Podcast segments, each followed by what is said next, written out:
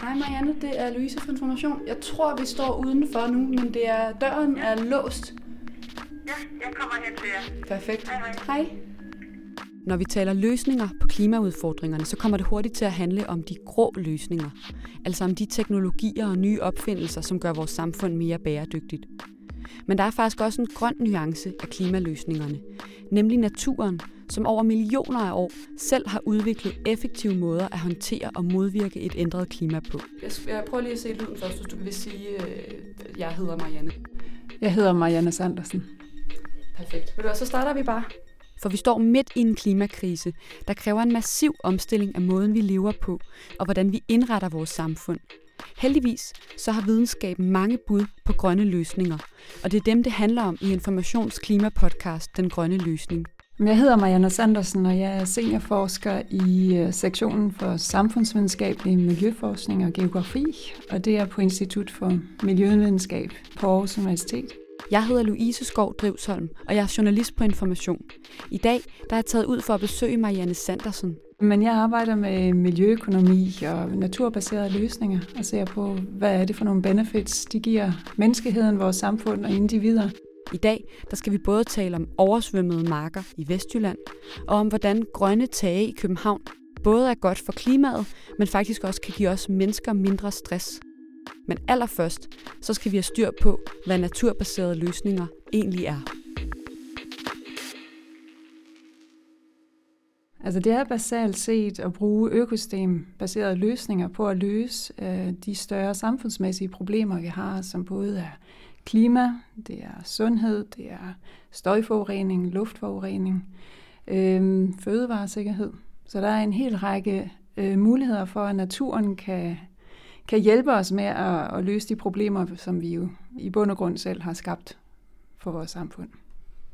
Så man kan sige, at nogle af de klimaproblemer, vi står overfor, har negative konsekvenser for naturen, men, men naturen kan faktisk også være en, en del af løsningen. Ja, netop. Så både man siger, at, at i det her århundrede, der vil klimaændringer være en af de største trusler mod biodiversiteten. Men biodiversiteten og naturen kan faktisk også være en af de store løsninger, både i forhold til at reducere klimagasser, men også det især at tilpasse os de store øh, negative effekter af klimaændringerne. Blandt andet nu ser vi jo de kæmpe store oversvømmelser, vi har gennem vores åløb i Danmark. Øh, man har set de andre steder i Europa også, hvor floder går over deres bredder og skaber enormt store omkostninger, både for landbrug og, og inde i byerne, hvor der er meget store øh, værdier på spil.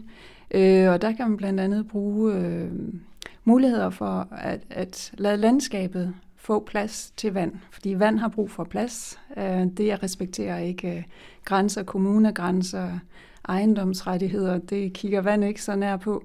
Øh, men hvis man for eksempel kan bruge øh, søer i et, i et vandopland til, som buffer til for meget vand. Øh, Brian Kronvang, som er professor på Bioscience på Aarhus Universitet, han har blandt andet for nylig fortalt om, hvordan øh, søer kan bruges som en bufferkapacitet i et vandsystem, hvor man sænker vandstanden om sommeren, for så netop at kunne lade den hæve, så når der er brug for det.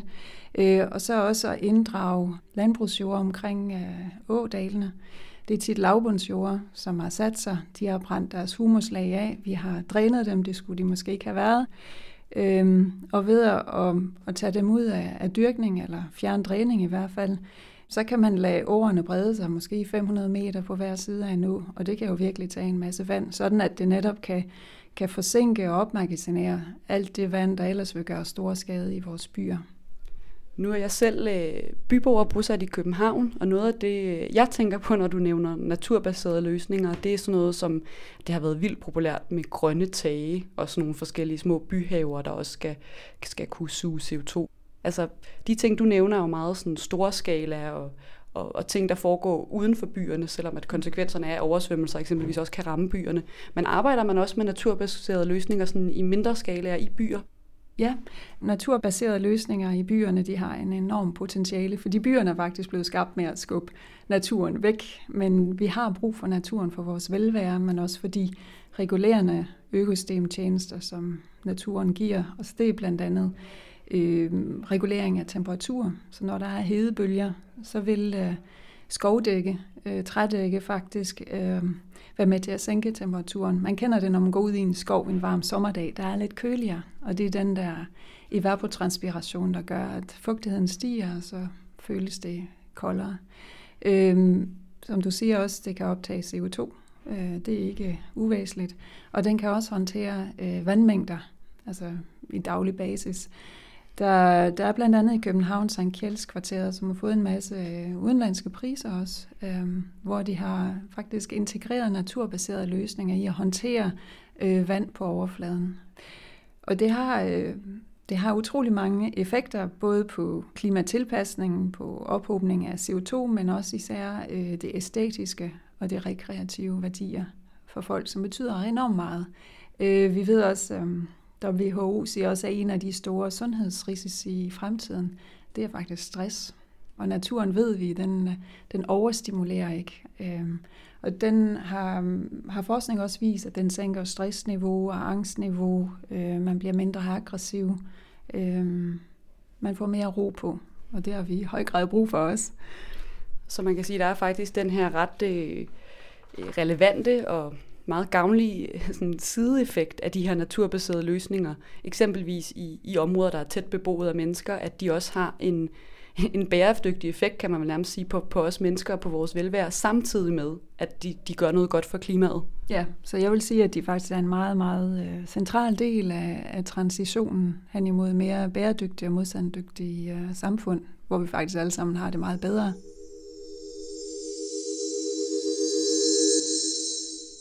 Nu startede jeg med at sige, at øh, man snakker så meget om, at det er teknologien, der skal redde os. Der er både masser af forskere, politikere, pengemænd, der sætter deres lid til det her. Men altså, hvad er det, naturen kan, som teknologien ikke kan? Ja, det er et rigtig godt spørgsmål. Altså, vi mennesker vi er jo faktisk teknologiske væsener. Siden vi begyndte øh, at håndtere ild i naturen, har vi jo fortsat derfra, det er gået rigtig hurtigt. Men samtidig har naturen jo også øh, været i stand til gennem millioner af år at udvikle sig. Øhm, og der er på ingen måde, at vores teknologiske løsninger kan klare alle de udfordringer, vi står overfor. Vi har brug for naturen. Man kan jo bare se øh, vores fødevarer. Der er vi jo ikke kommet væk fra at have en, en landbaseret øh, fødevareproduktion. Og så handler det jo netop om, hvordan kan vi gøre den bæredygtig og modstandsdygtig øh, over for de klimaændringer, der er, samtidig med, at verdensbefolkningen den stiger. Man kan også sige for eksempel Ådal, altså nu tilbage til det, vi snakker om tidligere med, at der er for meget vand i vores landskaber. Der er ikke nogen mulighed for, at vi kan skabe nogle teknologiske løsninger for at få det vand væk, både fra byerne og fra, fra landbrugsjordene. Der bliver vi nødt til at, at tænke naturbaserede løsninger ind. Og jeg tror også, at i de fleste tilfælde, der skal det være en kombination mellem naturbaserede og teknologiske løsninger. Så det, man kalder hybride løsninger. Okay, så man kan altså sige, at de her naturbaserede løsninger, der udnytter man ligesom den ja, evolution, som jo, det man jo kalder det i, i naturen, men som jo også er en eller anden form for sådan teknologisk udvikling, naturen selv har, har gennemgået, og det mm. den måde, man, der, der altså processer er blevet raffineret her, og det kan man så kombinere med den menneskeskabte udvikling på en eller anden måde, og så få nå hele vejen rundt, eller hvordan? Ja, det er rigtig godt sagt.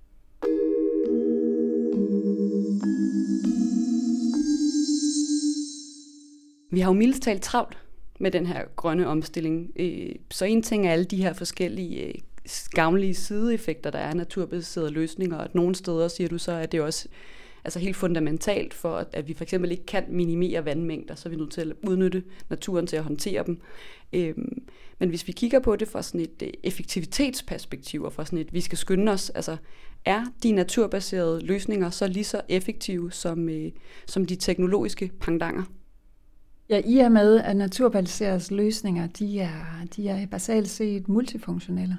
Altså de kan, de kan klare både klimatilpasninger, og de kan, de kan opsuge øh, kulstof fra atmosfæren. Så de både kan, kan hjælpe med at reducere den klimaændring, der er på vej og sker allerede. Bare sådan et eksempel. Øh, kystvådområderne i USA, der har man fundet ud af, at de leverer en beskyttelse årligt, der svarer til 23,2 milliarder dollar i deres øh, orkansæson. Altså det kan man ikke. Det kan man ikke øh, klare med tekniske løsninger her. Man kan så øh, lokalt set, så kan man begynde at sammenligne med, hvad hvis vi udvider vores kloakløb for at klare det. Øh, og der er studier, der har, der har kigget på virkelig at sammenligne de forskellige, hvad man kalder grå løsninger, altså ingeniørløsninger, og de mere naturbaserede løsninger, og så også nogle hybrider. Øh, og der er flere studier, der viser, at det er faktisk mere omkostningseffektivt at lave overfladeløsninger kombineret med natur. Det lyder jo som om, der virkelig ligger et kæmpestort grønt potentiale, som du siger, både for klimatilpasning og for selve omstillingen i de her naturbaserede løsninger.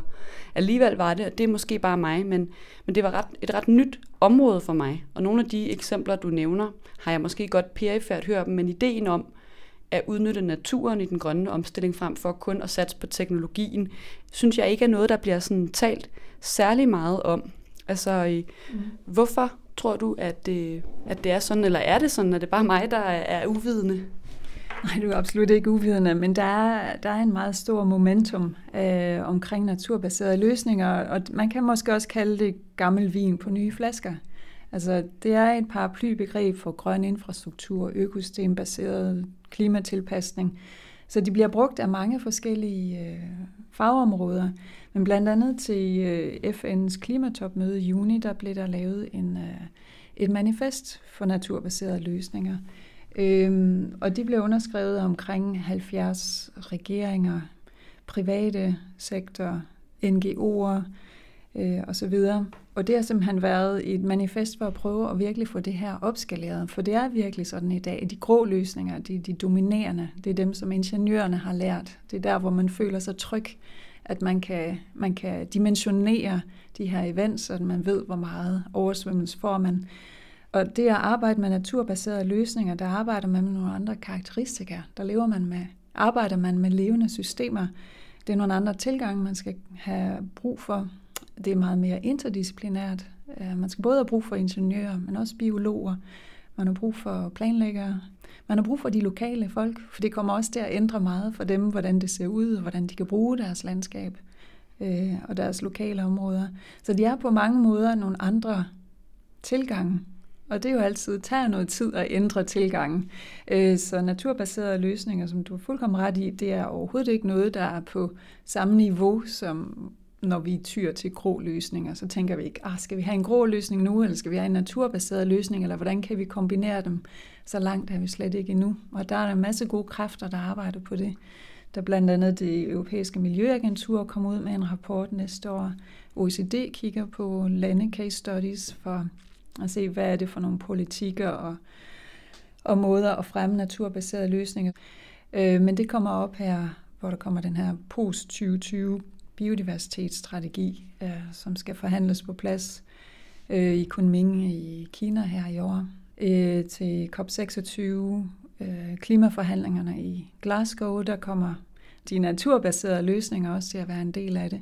De blev lidt øh, sat i en parentes i Paris-forhandlingerne, og det var egentlig lidt uheldigt, er der mange, der har sagt, så nu er det tidspunkt, at de kommer op.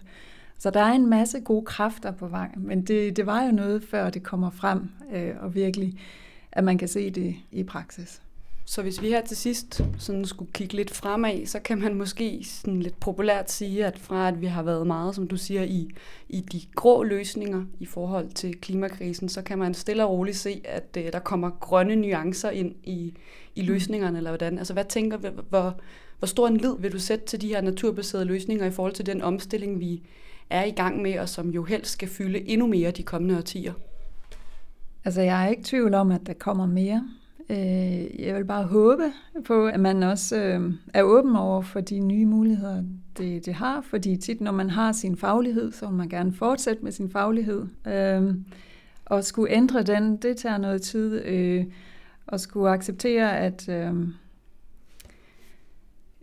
ja, der, der er en hel del øh, trade-offs, som man kalder det. Altså nogle ting, at hvis man vælger den her løsning, er der nogle andre ting, man vælger fra, og naturbaserede løsninger er heller ikke løsningen på alting. Øh, de har også sådan en, sine begrænsninger, så find ud af, hvor de er. Så er der en hel del øh, naturbaserede løsninger, hvor det tager nogle år, før de faktisk kommer til at virke. Fordi der er nogle økosystemer, hvis man skal i gang med at genoprette dem, eller skabe nogle nye et sted, der ikke har været der før. Det tager tid, mens andre de er hurtigere. Så det er så meget en, en case by case. Der kan det være meget forskelligt. Så det er, der er ikke nogen, øh, hvad man kalder plug-in løsning. Øh, og det er det, der gør det også svært at få den ind i, i systemet på tværs. af alle sektorer. Du skal i hvert fald have tusind tak, Marianne, for at gøre mig klogere på et, et fænomen, jeg aldrig havde hørt om før, men, øh, men som virker til at have et enormt stort potentiale for den her klimakrise. Tak fordi jeg måtte komme og besøge dig. Ja, du er velkommen. Og også tak til jer, som lyttede med. Husk, at du kan blive endnu klogere på klimaet i Informations Klimanyhedsbrev og med vores særabonnement Information Klima. Podcasten i dag den er klippet af Anne Pilegaard, og i redaktionen er også Anton Geist og Martin Bag. Vi lyttes ved.